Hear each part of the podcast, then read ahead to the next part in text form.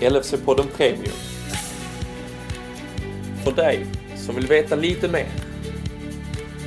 Här tar vi snacket ett steg längre, faktan lite djupare och vi gästas av kända supportrar och fotbollsprofiler. LFC-podden Premium är för dig som aldrig får nog av Liverpool, som andas Liverpool, som lever Liverpool varje dag. Här får du två till fyra exklusiva avsnitt varje månad och kommer under våran tid tillsammans bland annat få chansen att vara med i tävlingar som tar dig hela vägen till Anfield. Häng med!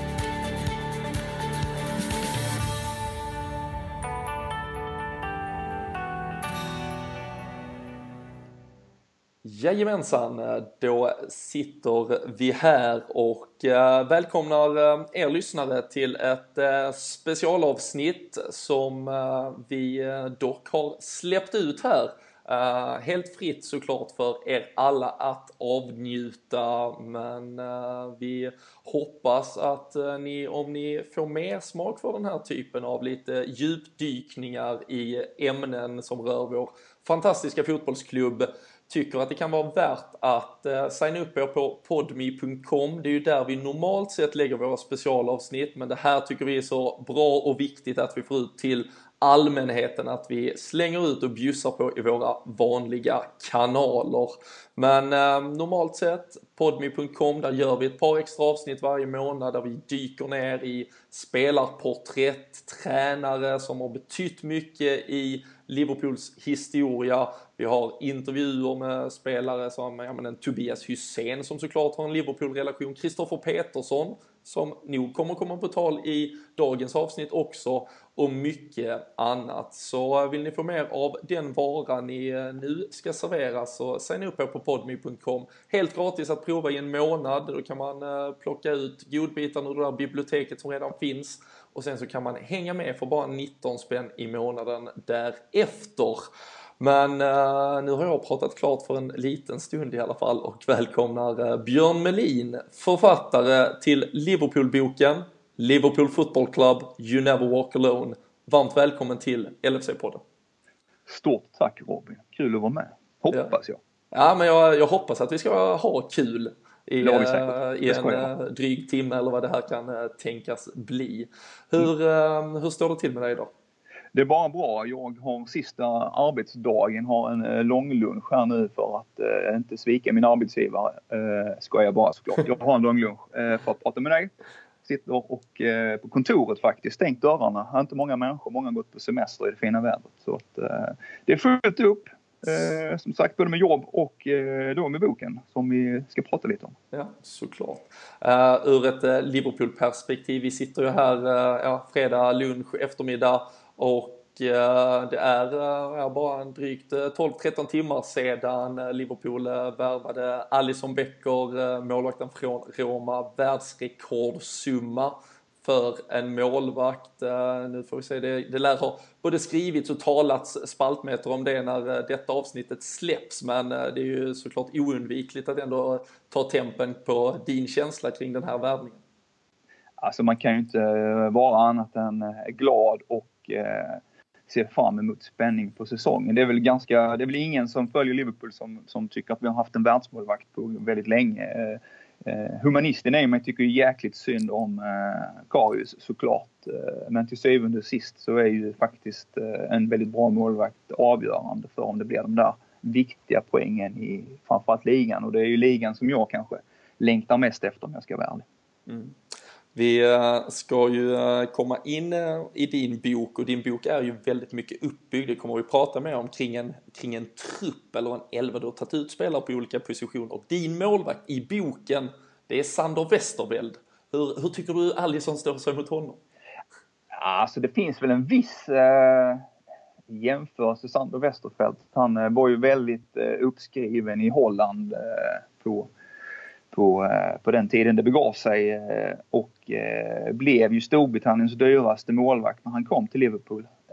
Så där finns väl en viss likhet med tanke på att det kanske innebär både förhoppningar och förväntningar och press och så vidare på, på målvakt, målvakten. Likheten är ju också det att det fanns ett kritiserat försvar på den tiden som han skulle vara med och rädda så att säga. Eh, så att det finns vissa likheter såklart. Ja, nej, vi, ska se. vi kan ju ja. hoppas bara att Allison tar lika många pokaler så snabbt som Sandra Festival. Även ja, det, här... det, det, är säkert inte många som minns honom för just det, men han, han hann ju plocka på sig väldigt mycket på väldigt kort tid. Han är ju faktiskt, och det är det som kanske gör honom intressant, han, han kom som väldigt uppskriven och dyr eh, Eh, hade ju både Henshaw och Hyppie framför sig som bildade ett fantastiskt eh, försvarslås. Eh, och rent krasst så, så kanske det var väldigt mycket tack vare de här två herrarna som det blev så bra som det blev. Eh, blev ganska snabbt kritiserad Westerfeld, för att han gjorde lite misstag och det är vi vana vid i Liverpool med målvakter som gör misstag, tyvärr. Eh, men de vann ju faktiskt en trippel eh, efter bara två säsonger och eh, dessutom två titlar till hans andra säsong eh, 2001. Så eh, jag skulle ju inte tacka nej till eh, det facitet så att säga. Ja, det är väl det där ligaguldet vi ska försöka kröna av eh, Allisons mm. karriär med i så fall. ja. vi, äh, som sagt, vi ska, vi ska dyka ner i äh, den här boken men äh, jag tycker att lyssnarna ska få lära känna författaren bakom den lite kort först. Äh, Björn Melin har jag presenterat. vad har vi för ålder på en sån här herre? 48, även om det står så i passet. Eh, overkligt. Men, väl så mentalt, här... Eh, mentalt ett par år yngre eller? Ja, mycket yngre. Mycket, mycket yngre. Var eh, i Sverige hittar man dig? Skåne börjar folk mm. kanske förstå. Ja, nordöstra Skåne, Kristianstad. Härligt, härligt. Har vi, vad har vi för fotboll från Kristianstad? Har ni något att stoltsera med? Alltså fotbollsmässigt så är vi ju på damsidan är det väl KDFF såklart. Vi ska ju faktiskt tala väl om våra damer som faktiskt går bra i damallsvenskan under eh, Elisabeth Gunnarsdotters ledning som har lett dem många år. Så där finns det, där är det spännande. På här sidan så är ju Kristianstad ganska och har varit ganska mycket öken utan det är ju handboll som är den dominerande sporten i Kristianstad med de svenska mästarna IFK Kristianstad. Mm. Det, ja men absolut, så är det ju. Det är ju det är en handbollsstad på, på alla sätt ja. och vis. Men, men i denna handbollsmylla så, så har ett eh, fotbollsintresse såklart växa i stort för din del. Hur kom det sig att du blev Liverpool-supporter en gång i tiden? Ja, det är ju tack vare min pappa och det kanske är så för många eh, många barn att det är fäderna mer än mödrarna som, som projicerar sina tjänster. Men eh, typ 1974 när jag var fyra år gammal så eh, kom jag, jag kom inte ihåg VM eh, som var då utan eh, jag minns i efterhand om man får uttrycka det så att pappa snickrade upp ett fotbollsmål eh, ute på gräsmattan i villakvarteret och eh, där började han ju lära mig allt om fotboll. Eh, vi sparkade lite fram och tillbaka och sen så växte det där genom att Eh, Eh, det blev eh, traditionen att kolla på det gamla klassiska fotbollsprogrammet eller Tipsextra som sändes varje lördag på, på 70 80-talet. Eh, och det, det tittade vi på helt enkelt, jag och min pappa, när vi inte spelade fotboll ute och i hallen.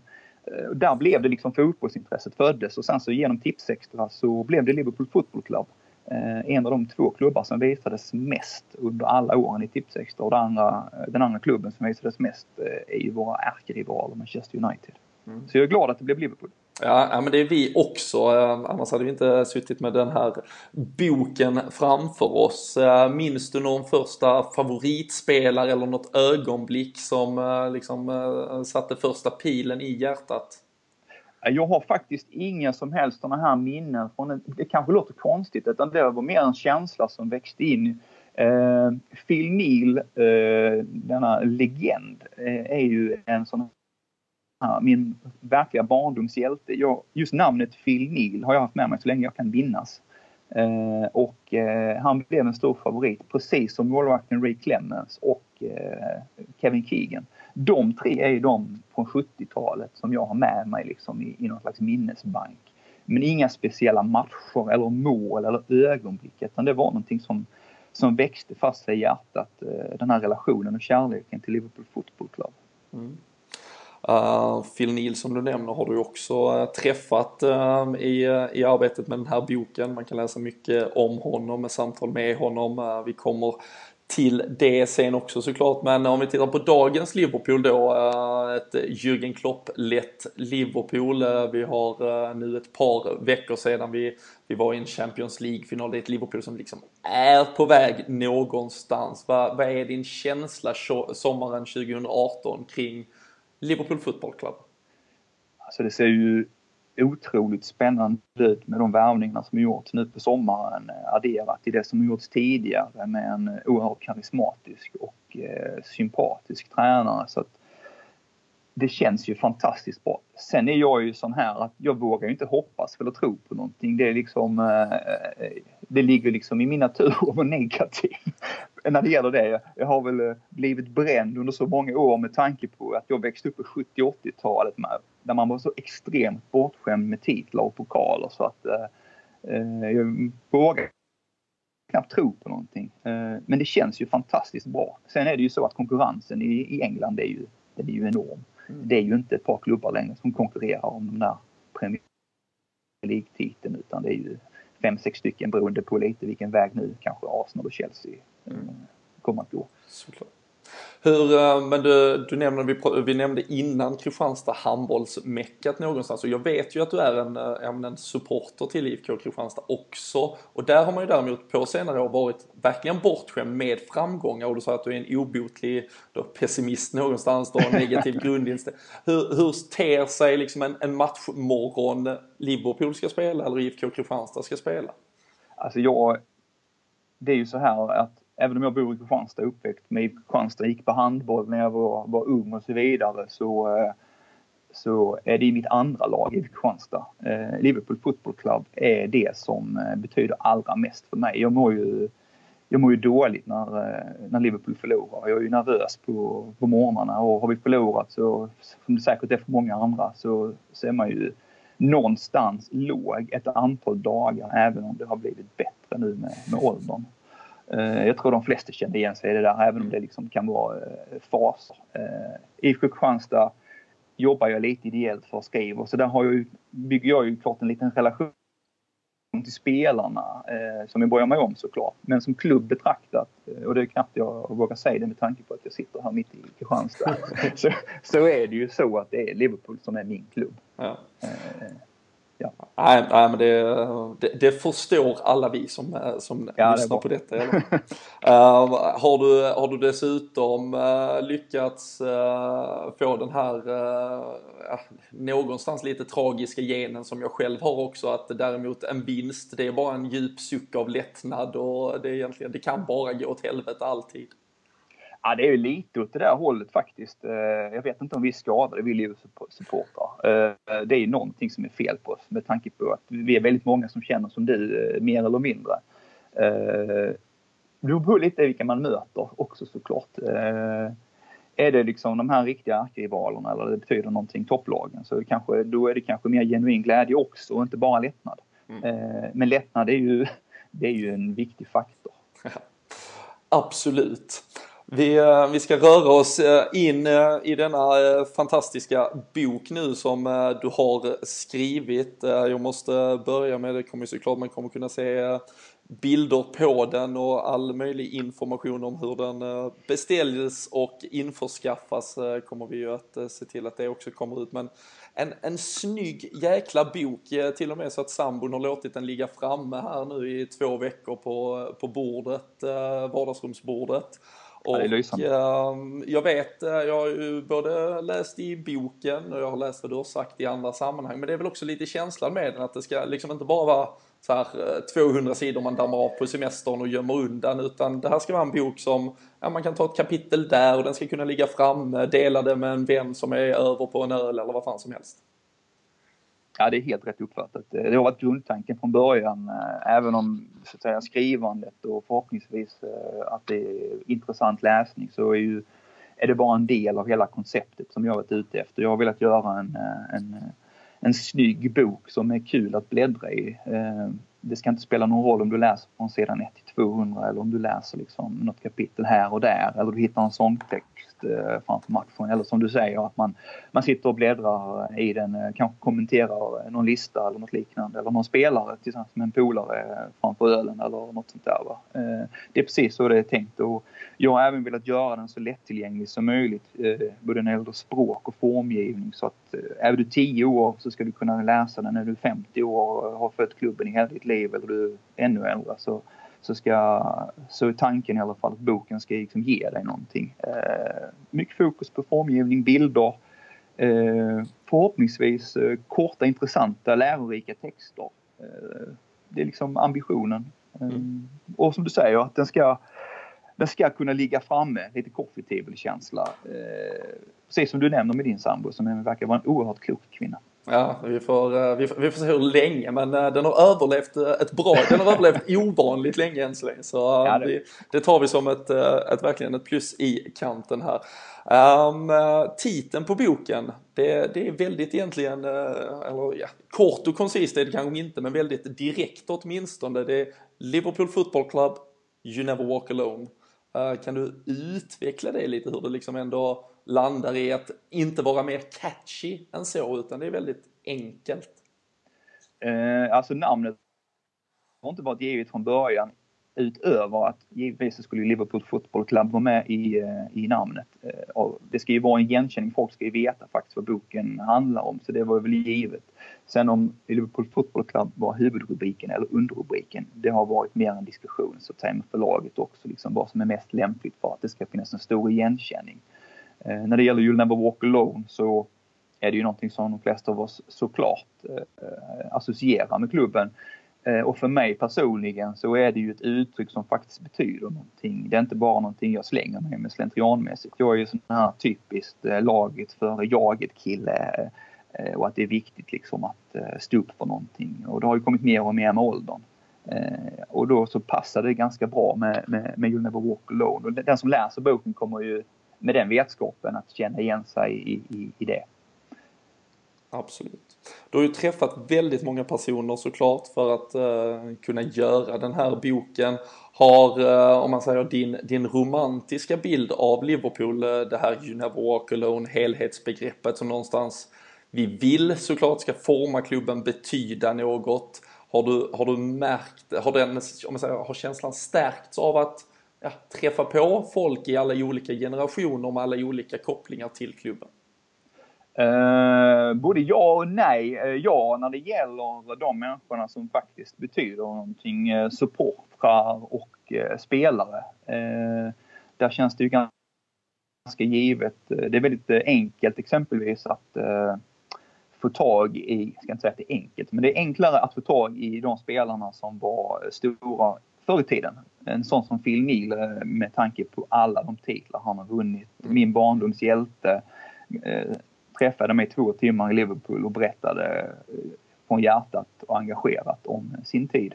Eh, hade varit helt omöjligt med en modern spelare. Mm. Eh, fotbollen har ju förändrats också såklart.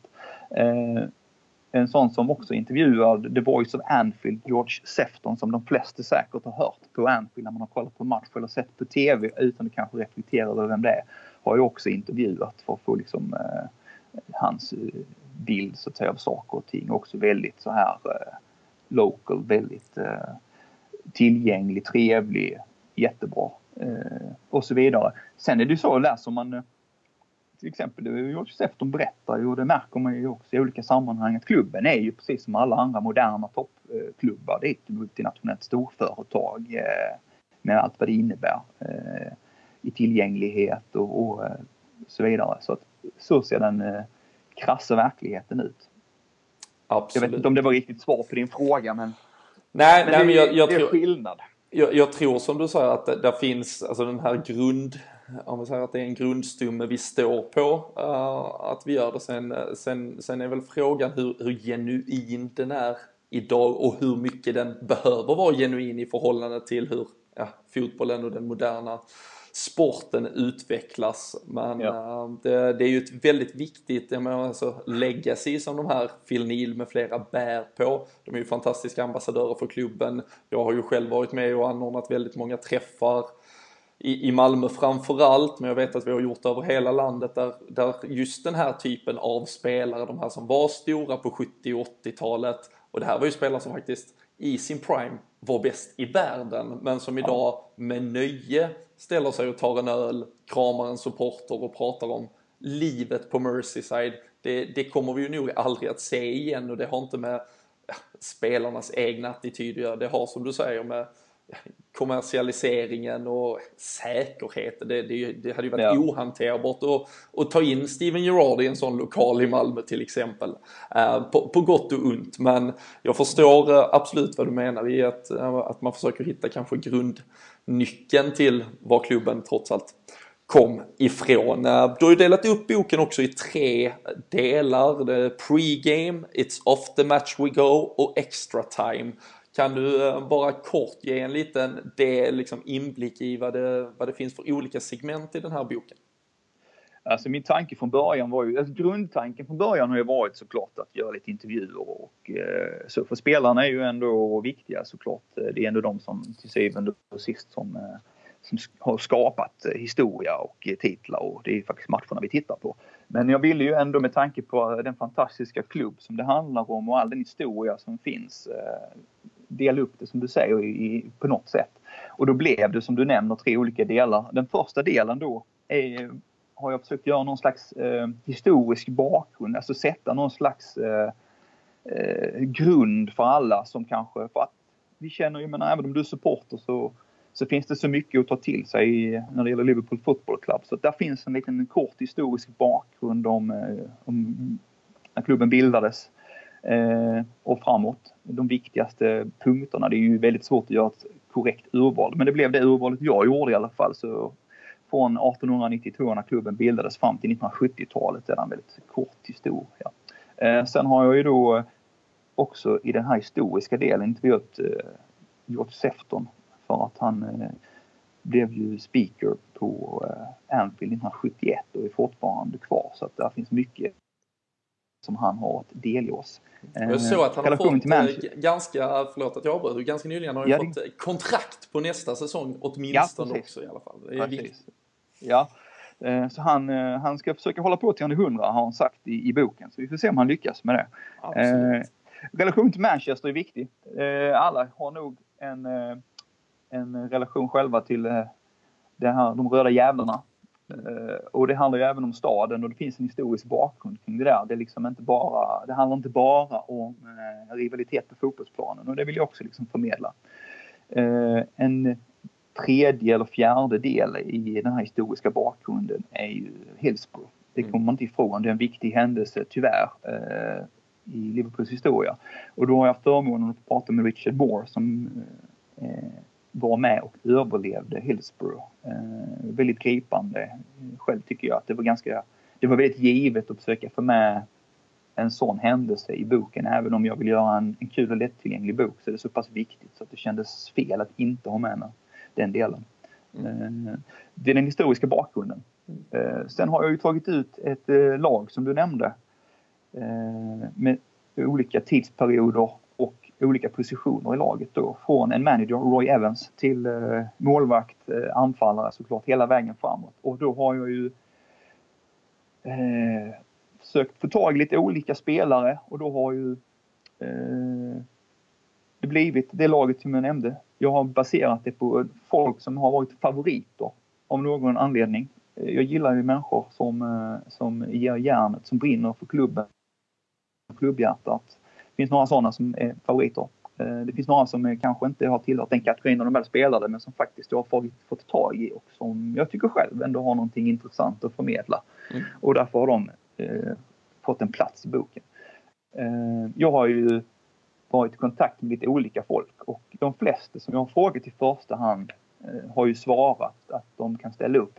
Sen är det ju några kanske lite modernare spelare som genom agenter inte har velat vara med eller inte har svarat. Eh, och en grej som gör det handlar inte bara om att de faktiskt inte vill. Det handlar om att de, eh, många nya faktiskt tänker på egna biografier. Mm. Eh, och därför inte släpper på någonting så att säga i förväg. Det är en faktor som jag aldrig tänkte på när jag väl började skriva, men jag har insett att det är en realitet. Eh, så att, och jag har ju försökt begränsa det som sagt från 70-talet fram till nutid. Inga nya spelare så att säga som är nuvarande. För det, det är liksom inte realistiskt. Utan det, jag tror att den sista tidsmässigt som är med i boken, om jag inte missminner mig, måste vara Daniel Aiger som jag skrev kort om. Mm. Uh, ja. Och så är det väl precis Phil Neal som blir den första. Någonstans. Precis. Ja. Absolut. Och så lite avslutning sen, lite ja, supporterintervjuer och lite en Niklas Alexandersson som spelar i Everton och pratar lite om eh, den relationen. Ja. Anders Bjur som kommenterar och ska man vara tyst under You Never Walk Alone eller inte bland annat får han svara på. Det är de viktiga frågorna som ställs här så det, Absolut. det, det gillar vi. Um, jag tänkte att uh, egentligen i två uh, lite de större ämnen, jag tänkte att vi skulle dyka ner i varav att vi fokuserar ändå på dina spelare, den här elvan du har tagit ut, några avbytare också, men som du nämner ändå det man aldrig kommer ifrån när man berättar sagan om Liverpool eller åtminstone ett liksom modern historiskt perspektiv är ju Hillsborough. Du var och träffade Richard Moore som bor ju i Sverige numera. Ja. Jag har själv haft Eh, förmånen att, eh, att träffa honom på en hel del. Han reser ju fortfarande väldigt mycket, framförallt på europeiska bortamatcher. Och sådana blev det ju en hel eh, herrans massa just i våras. Och vi sprang på varandra ute i Europa och har själv hört delar av historierna. Men det är väl någonstans, även om du, jag tycker du förmedlar det och ni får ner något väldigt bra och fint tillsammans här som lyfter både det det positiva och det negativa, kritik mot klubben, hur de hanterade och, och även de positiva bitarna som det de gjorde för, för, för, olika delar i det här. Och jag förstår ju Richards del, han är en överlevare, mycket fokus har legat på familjerna vars barn till exempel dog. Är det de man som skulle få sörja mest eller de som faktiskt fanns på plats och såg allt detta? Mitt framför näsan. Men hur var det att, för jag tror alla Liverpool-fans har ju liksom Justice for the 96, man har sett ceremonierna på Anfield, man har väl gått och liksom tagit, bilden på minnesstenen eller någonting. Men, men att, att faktiskt grotta sig ner i det här sensationellt tragiska som skedde på Hillsborough. Hur, hur var det att ta sig an och vilka nya dörrar i sagan om Hillsborough så sett öppnades för dig när du började gräva i det tillsammans med Richard? Ja, för det första så givetvis hade jag ju precis som du nämner, eller som de flesta supportrar, hade man ju, jag tror man hade en ganska hyfsad koll. Det har ju ändå skrivits och, och ganska mycket om det, framförallt på senare år eh, med tanke på rättsprocesser och så vidare fram och tillbaka. Eh, jag läste ju på ganska mycket såklart, tittade på dokumentärer. Jag tror BBC hade en dokumentär 2016 som, på ett par timmar som mm. jag tycker själv var väldigt bra och eh, intressant. Eh, det är ju väldigt, eh, det är väldigt sorgligt liksom hela historien, både när det gäller själva händelsen i sig men efterspelet framförallt. Eh, så att jag var ganska väl påläst tyckte jag själv men eh, Richard var ju Ja, det är väl klart att när man, jag, jag närmade mig honom och intervjun såklart med oerhört stor respekt och varsamhet så att säga. För att det är ju ändå ett trauma och jag kan ju inte ens in, jag kan ju inte i min vildaste fantasi hur det var att uppleva någonting sånt eh, på plats. Eh, så att det var ju det och han var ju väldigt öppen med, med det. Men vi, vi tog det i lugn takt. Vi pratade eh, om det och Richard har väl eh, han har ju, som han nämner själv i intervjun, så tog det ganska lång tid innan han liksom eh kände efter så att säga. Han stängde ju ute sina tjänster. Det var ju för stort, för svart att ta till sig. Han var ju bara 17 år när han eh, upplevde detta. Eh, och levde på som vanligt i många år. Sen kom det ju fatt honom precis som det gör för folk som upplever stora trauman. Eh, och det är på senare år som han har börjat prata om det ordentligt. Eh, så att jag är oerhört tacksam att han ville dela med sig. Och det, det är klart att det var en svår utmaning tyckte jag ju såklart att skriva om någonting sånt. Vanliga intervjuer med spelare och det andra jag har skrivit, det är ju ursäkta uttrycket, men det blir, kan ju vara lite glättigt och glatt och mm. ja, alltså så. Men detta var ju på riktigt, detta är ju seriöst, detta är ju allvarligt. Så den, det är en text och någonting som som krävde lite en annan inställning eller approach från mig. Och det är svårt att veta hur mycket man kan förmedla och på ett bra sätt. Eh, det får andra bedöma. Men jag tyckte det var viktigt att försöka få med det. Den stora lärdomen, eller det som var nytt för mig när Richard pratade, det var ju precis det som du nämner. Eh, att har inte tänkt på det överhuvudtaget. Men precis som han nämner, man pratar bara om familjerna, Hillsborough Families. Det är det enda som jag har hört genom alla år. Jag har inte hört någonting om The Survivor. Eh, som då eh, utomlands eller så här ytligt om vi får uttrycka det så. Mm. Så det tyckte jag var väldigt intressant att hur han beskrev att, att, det, det, har varit så mycket fokus på familjerna men inte på överlevarna och det är någonting som många faktiskt är både ledsna och bittra över. Eh, bland de som överlevde Hillsborough. Det var nytt. Ja, nej men det var alltså den egentligen eh, just tankeställande gav mig också. Det var, det var nytt eh, och jag, ja, bara köp, eh, behöver ni inte resten så köp boken för att läsa intervjun med Richard i alla fall och det porträttet och den djupdykningen i Hillsborough. Det är ju ett av de matigaste delarna faktiskt av boken också tyckte jag. Det är fenomenalt bra och intressant. Man, man kan någonstans inte klä sig med för mycket information kring vad som egentligen hände den där dagen och att få nya aspekter eh, tycker jag, eh, ja men det skapar ändå ett, ett värde och som du säger den här att, att bygga sin förståelse för, för klubben och varför beslut tas och varför mm. folk reagerar och så vidare. Det, det är en inblick som man blir rikare av att, att ha helt enkelt. Ja, men jag tycker jag delar din uppfattning. Jag tycker att det är viktigt. Jag tycker att det är viktigt om man håller på Liverpool Football Club att man faktiskt har lite koll på historia. Man har, har lite koll på de viktiga delarna och Hillsborough och det efterspelet, det, det är väldigt viktigt faktiskt. Om man ska vara seriös. Boken i övrigt är inte viktig på det sättet, men eh, det är viktigt.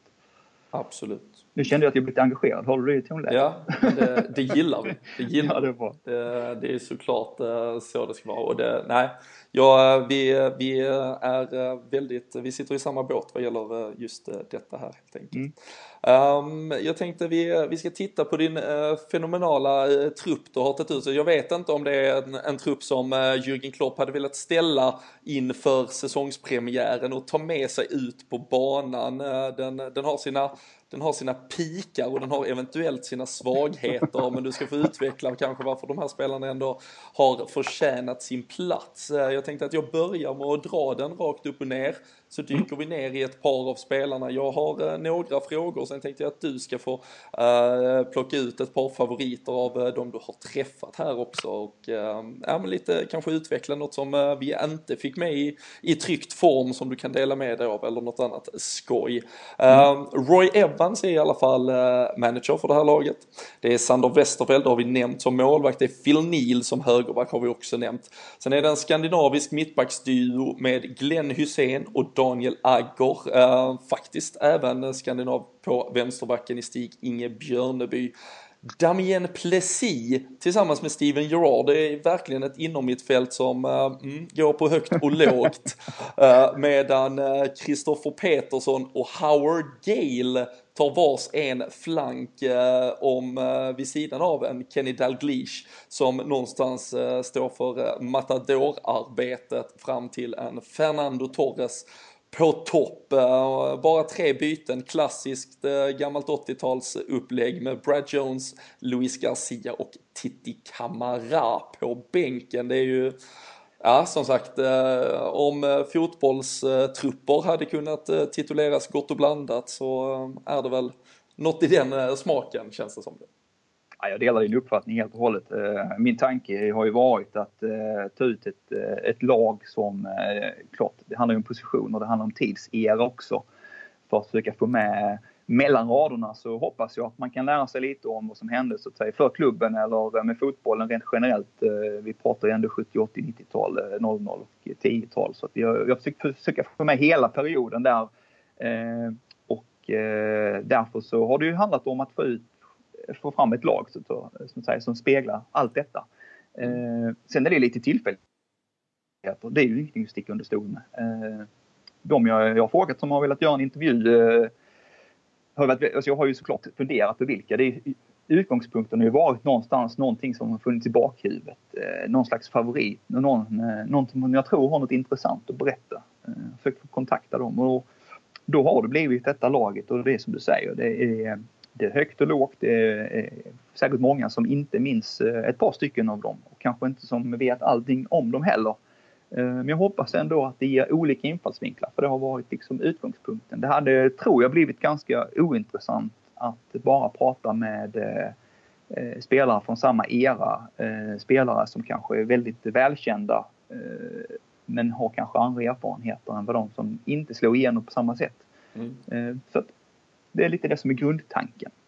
Nej, men det, och det tycker jag efter att ha läst boken också. Det, det, det ger ett, ja, men, om man ska säga inte ja, men något, något djup och ett litet flow innan man läser. För man läser inte bara om, ja, och så förbereder vi oss inför Champions League-semifinalen på onsdag. Alltså det är inte bara det de gör ja. hela tiden. Ja. Utan det är någon som putsar skor på, på akademin och det är någon som får utsättas för det här och det är någon som är med och vinner hela tiden. Utan man får verkligen eh, alla möjliga delar. En, en, en Damien Plessis till exempel som, eh, som många nog minns eh, när han kom in mot ett, ett Arsenal och skulle ta över världen och, och hur han faktiskt ja, men någonstans trodde det själv. Alltså det var en ja. era när, när vi sjöng om att vi hade världens bästa mittfält och så, så är det en, en ung talang som ja, vi någonstans kanske aldrig trodde skulle, skulle ta över detta men ja, det var ju hans världsbild där och då att det skulle han ja. visst då göra.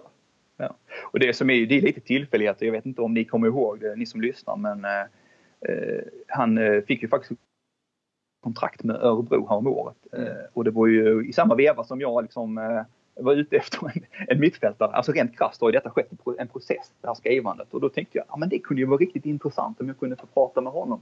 Så jag tog tåget upp till Örebro efter att ha bestämt träff med honom och så satt vi och snackade på Örebros kansli. Eh, han med sin halvtaskiga engelska trots allt och jag med min eh, kanske något bättre faktiskt. Men eh, det blev i alla fall, tyckte jag själv, ganska intressant. Lite annorlunda.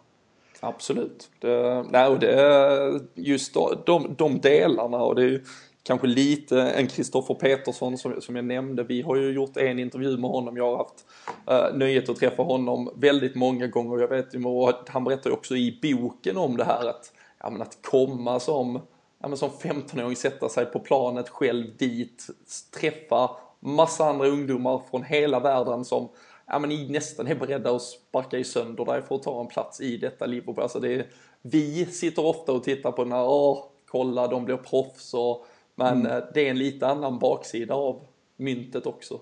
Ja, precis. Och det är väl kanske det som är, någon kanske tycker att, ja, Kristoffer Petersson, ja, han blev ju ingenting i Liverpool. Förlåt Kristoffer. Uh, men uh, han, har ju, han kom ju dit väldigt ung och uh, Eh, Eh, han var ju ändå i A-truppen innan han lämnade 2014 så att han var ju ändå nära. Sen vet vi ju att det är oerhörd konkurrens men att just att få den här inblicken lite hur det var som ungdomsspelare. Det handlar lite om att förmedla olika perspektiv om den klubb vi älskar och det är det jag har försökt göra. Och det är därför som det finns lite olika eh, spelare i den här gott och blandat-påsen du nämner. Mm. Och um, där tycker jag det är ju ganska lite, lite, lite halvaktuellt så här i, i sommartider. Vi gör ju våra vanliga avsnitt av LFC-podden där vi just nu. Det är ju liksom ett silly season, ett transferfönster som öppnas. Det är många spelare som går ut på lån. Vi har lite halvskojat om den här lånedöden. Det är ju faktiskt något jag uppskattar med hur Kristoffer Petersson tog sig an sin karriär. Han insåg att jag kommer nog inte bli en startspelare i Liverpool Football Club då sticker jag fan härifrån och börjar om. Han är trots allt en etablerad spelare i den holländska ligan. Han kan mm. mycket väl ta nästa steg i Holland. Där är ett par stora klubbar där och, och då är plötsligt steget mot Europa, ett landslag och så vidare aktuellt igen kanske. Så äh, jag, jag känner ju dessutom personligen med Kristoffer äh, och, och, hoppas verkligen att han har ett par fina fotbollsår framför sig och tror någonstans att han gjorde helt rätt medan många andra tvinar bort i ett League One eller 2 trots att de kanske såg som större talanger än vad han gjorde. Ja. Mm. Um, I övrigt från uh, den här påsen, egna favoriter i form av uh, ja, men, möten du har haft. Jag, jag, förstår att vissa har du haft uh, liksom tänkt att det här kan bli skitbra och vissa har man kanske tänkt ja men det här borde ändå vara någon, finnas en vinkel att berätta. Var, var, vem överraskade dig mest positivt när du liksom började skrapa på ytan?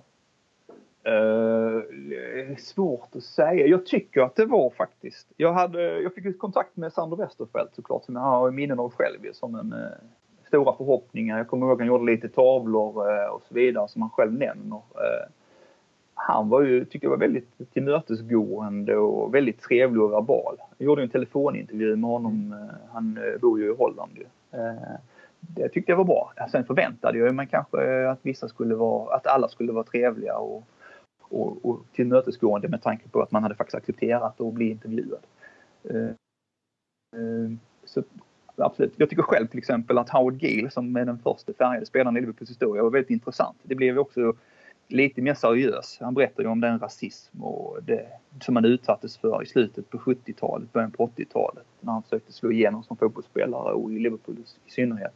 Det är ju många som tror att John Barnes var den första färgade spelaren i Liverpool men det var ju Howard Gale. Eh, mm och eh, det, är lite, det är också lite mer seriös eh, intervju om jag får uttrycka det så. Alla är seriösa på sitt sätt men det finns en annan botten, eh, eller en annan svärta så att säga eh, i hans bakgrund. Och han hade också han kanske också hade slagit igenom på ett helt annat sätt om han hade kommit senare. Man får ju ändå ha i, i åtanke att det är Liverpool Football Club som, som, som eh, var på banan på slutet på 70-talet, i början på 80-talet. Det var ju typ världens bästa fotbollslag, eller ett av dem i alla fall.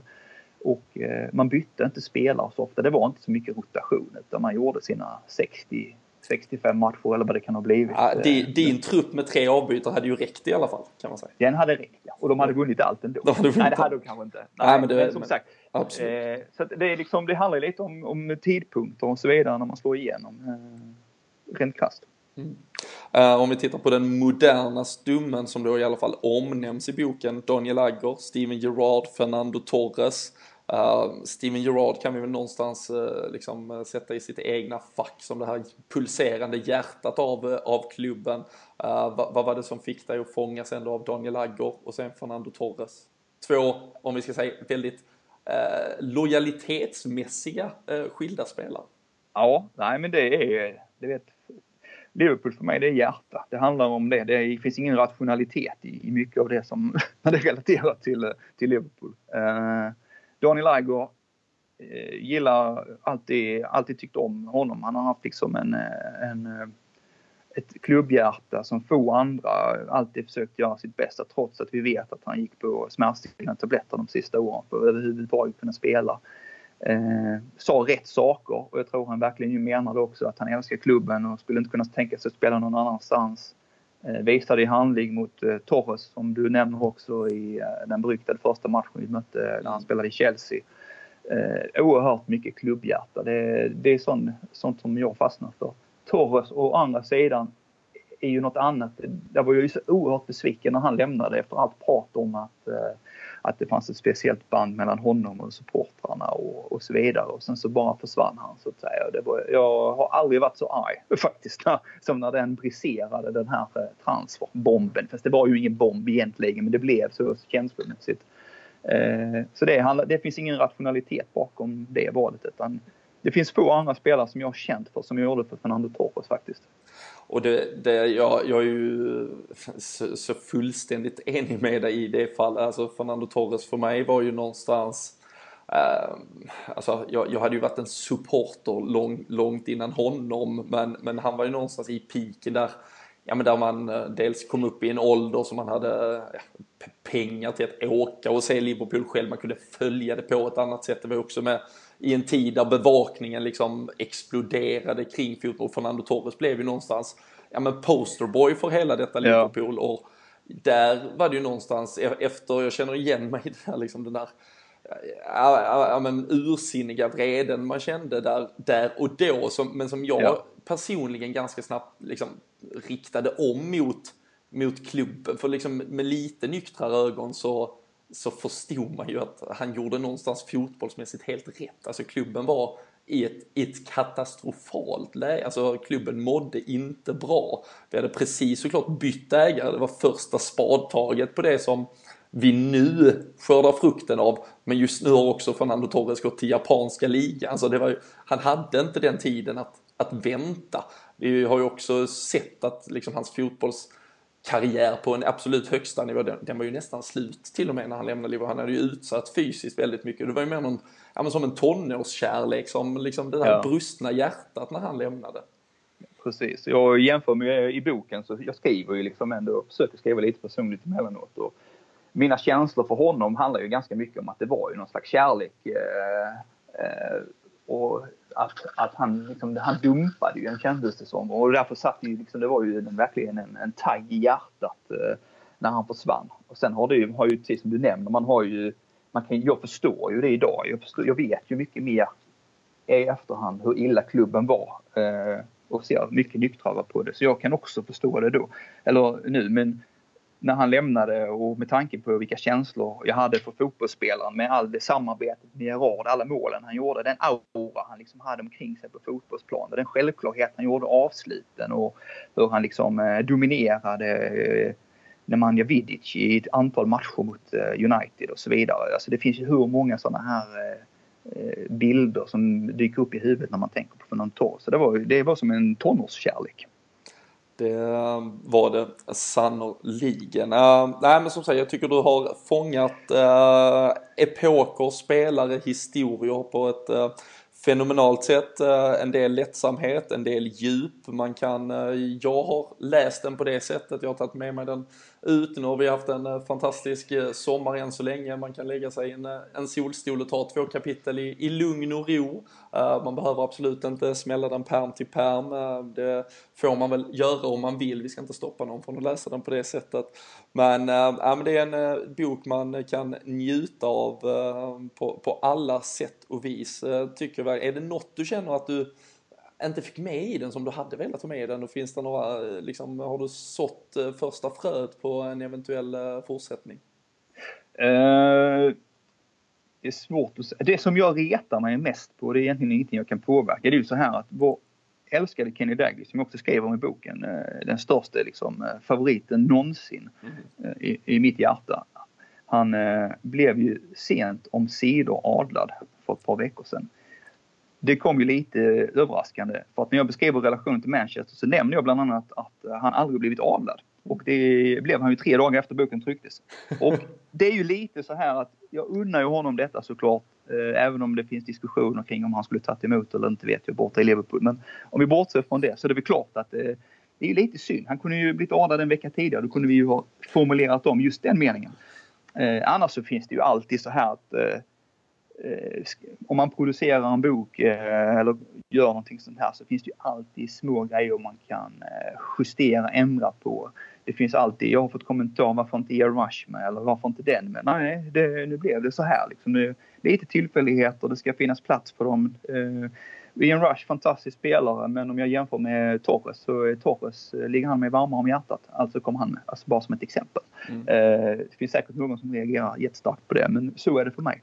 Uh, och en kommande bok, just nu så vet jag inte, jag har ju lite funderingar men vet, jag jobbar ju heltid och skriver detta på min eh, fritid och det är väl klart att jag tänker att det ska bli någonting eh, annat. Eh, men jag, jag, vet inte riktigt vad det är. Det kan bli något seriöst, det kan bli något oerhört eh, lättsamt. Eh, men någonting med Liverpool-koppling tänker jag att det ska bli. Men det får dröja några år till ja. innan det blir någonting som vi kan presentera. Ja, nej men eh, till, eh, till den dagen så, så har man som sagt i alla fall denna bok och man kan låta den ligga framme som eh, dels för att själv njuta och för att använda den som lite diskussionsämne kanske till, till fotbollskvällen eller tipsextra-stunden man eh, trots allt i eh, visserligen annan omfattning fortfarande kan njuta av eh, på lördagarna. Ehm, jag vet att detta inte är något att förberett dig på så nu kanske jag tar, sätter dig lite så här, men om du skulle göra en bok om 20-30 år på samma sätt från dagens trupp vilka